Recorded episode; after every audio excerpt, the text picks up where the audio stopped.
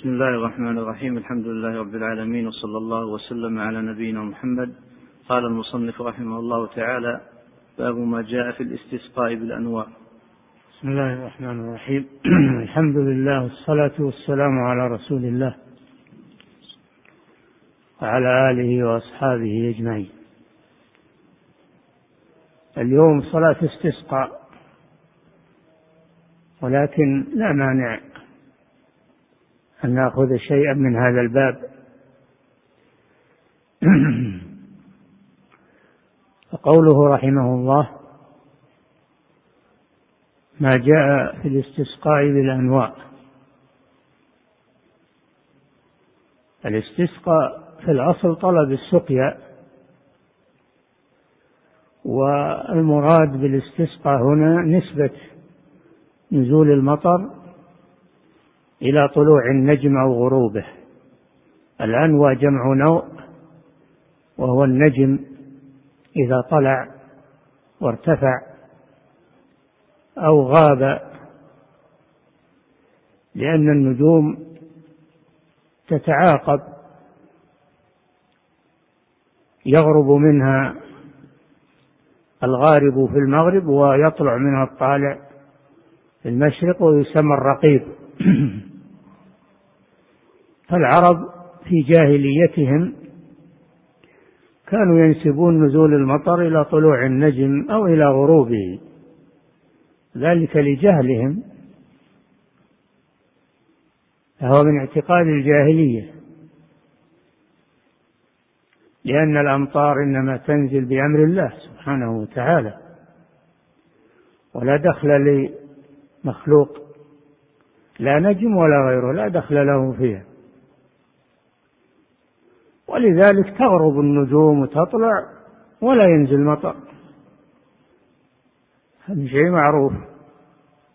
فليس نزول المطر مرتبطا طلوع النجم وغروبه إنما هو مرتبط بأمر الله وإرادته سبحانه وتعالى.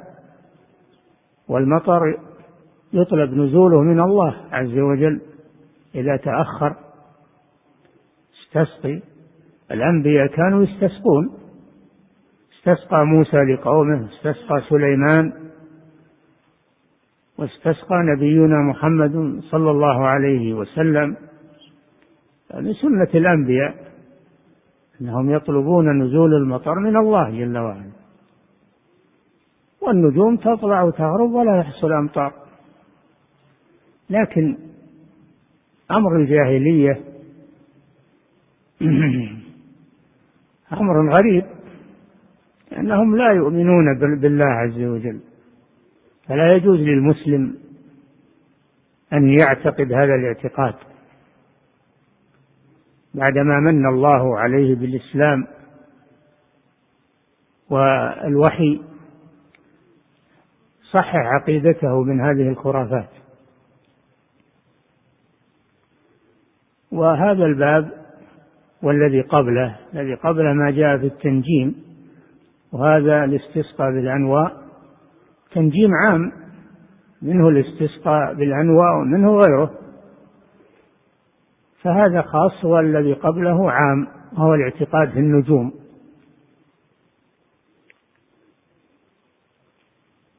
نعم. وقول الله تعالى وتجعلون رزقكم أنكم تكذبون. قال الله سبحانه وتعالى فلا أقسم بمواقع النجوم وإنه لقسم لو تعلمون عظيم إنه لقرآن كريم في كتاب مكنون لا يمسه إلا المطهرون تنزيل من رب العالمين أفبهذا الحديث أنتم مدهنون وتجعلون رزقكم أنكم تكذبون محل الشاهد في قوله وتجعلون رزقكم أنكم تكذبون بعد قوله فلا أقسم بمواقع النجوم. اختلف المفسرون في المراد بمواقع النجوم. فمنهم من ذهب إلى أن المراد بالنجوم نزول القرآن لأن القرآن نزل منجما أي مفرقا على النبي صلى الله عليه وسلم. فالنجوم هي أجزاء القرآن التي تتنزل على الرسول صلى الله عليه وسلم شيئا فشيئا إلى أن تكامل الوحي عند وفاته صلى الله عليه وسلم. وتكامل القرآن. كان الواجب على على الناس أن يؤمنوا بهذا القرآن لأنه من عند الله ولكن كثيرا منهم يكذبون به ويقولون هذا من كلام محمد أو هذا سحر أو شعر أو ما أشبه ذلك من أقوالهم الباطلة في القرآن. فبدل أن يؤمنوا به يكذبون به. تجعلون رزقكم أي حظكم من هذا القرآن العظيم تكذيب. وهذا حرمان والعياذ بالله. هذا قول. قول الثاني الذي أراده المصنف هنا وعليه كثير من المفسرين أن المراد بالنجوم الكواكب طلوعها وغروبها. فإذا أصابهم المطر قالوا مطرنا بنوء كذا وكذا ولا يقولون مطرنا بفضل الله. هذا بسبب طلوع النجم أو غروب النجم اعتقاد الجاهلية. فيكذبون بنعمة الله عز وجل ويكفرونها يكفرون بنعمة الله وينسبونها إلى غيره. هذا من اعتقاد الجاهلية. تجعلون رزقكم أي حظكم أنكم تكذبون وتنسبون النعمة إلى غير الله سبحانه وتعالى. والذي يعتقد أن المطر ينزل بسبب النجوم إن كان يعتقد أنها هي التي تنزل المطر وتحدثه فهذا شرك أكبر. أما إن كان يعتقد أن الذي ينزل المطر هو الله وإنما النجوم أسباب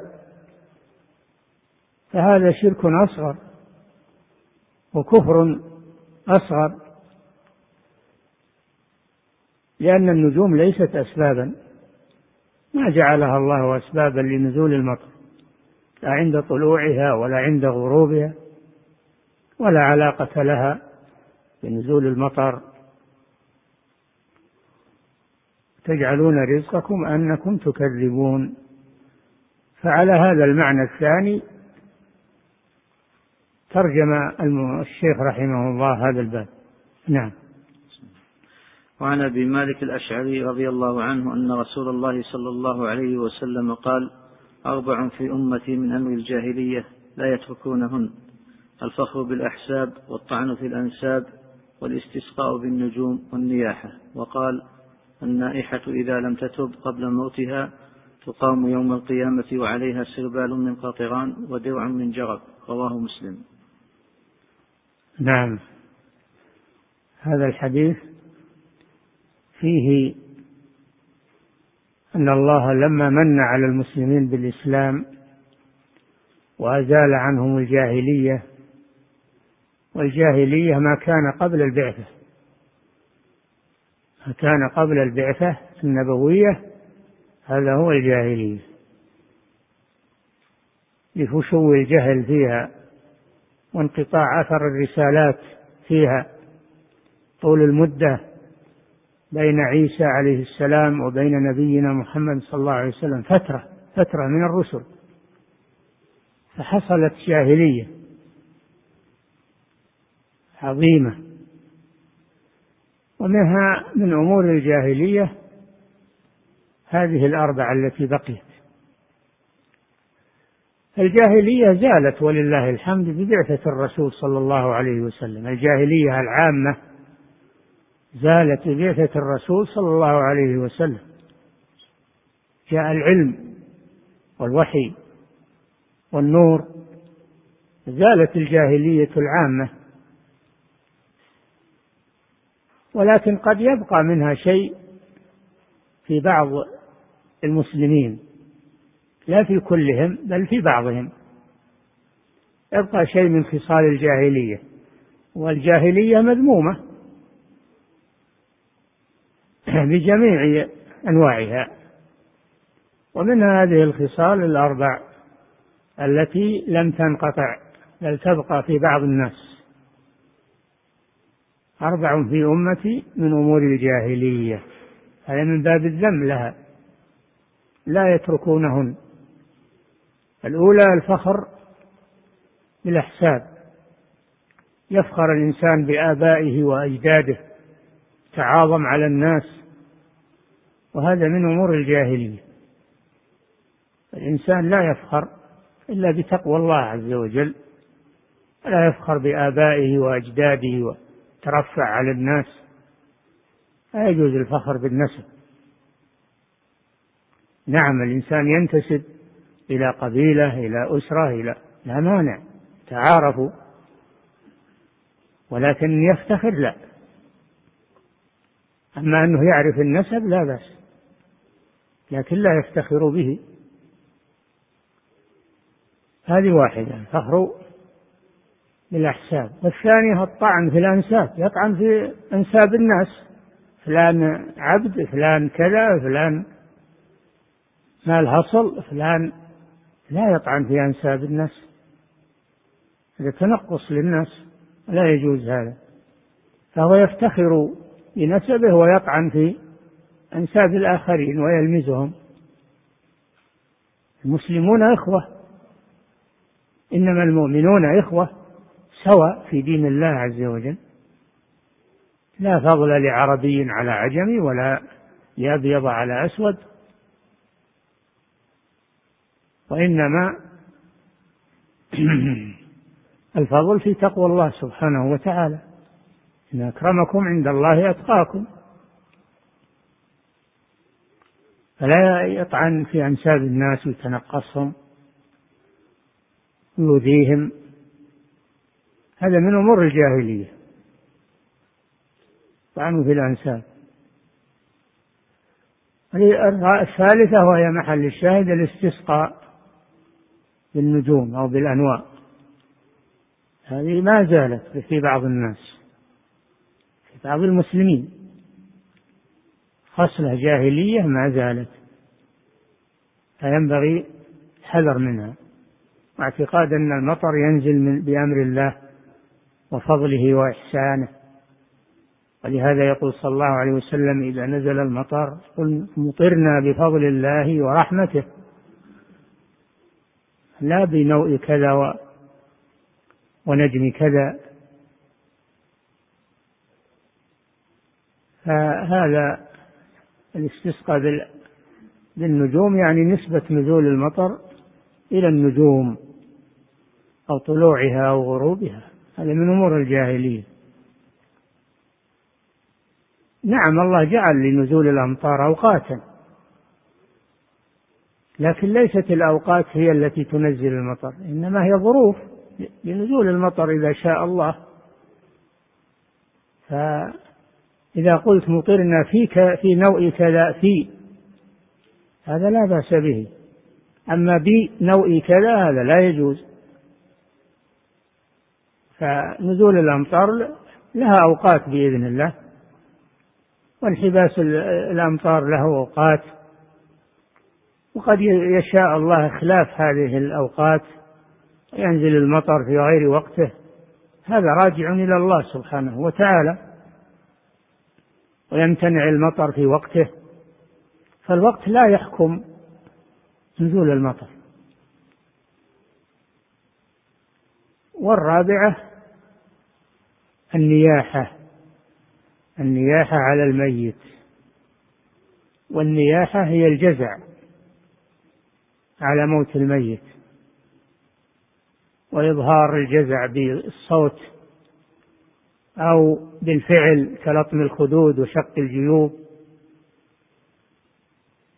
فهذه النياحة وهي من كبائر الذنوب من أمور الجاهلية لأن الواجب الصبر على المصائب.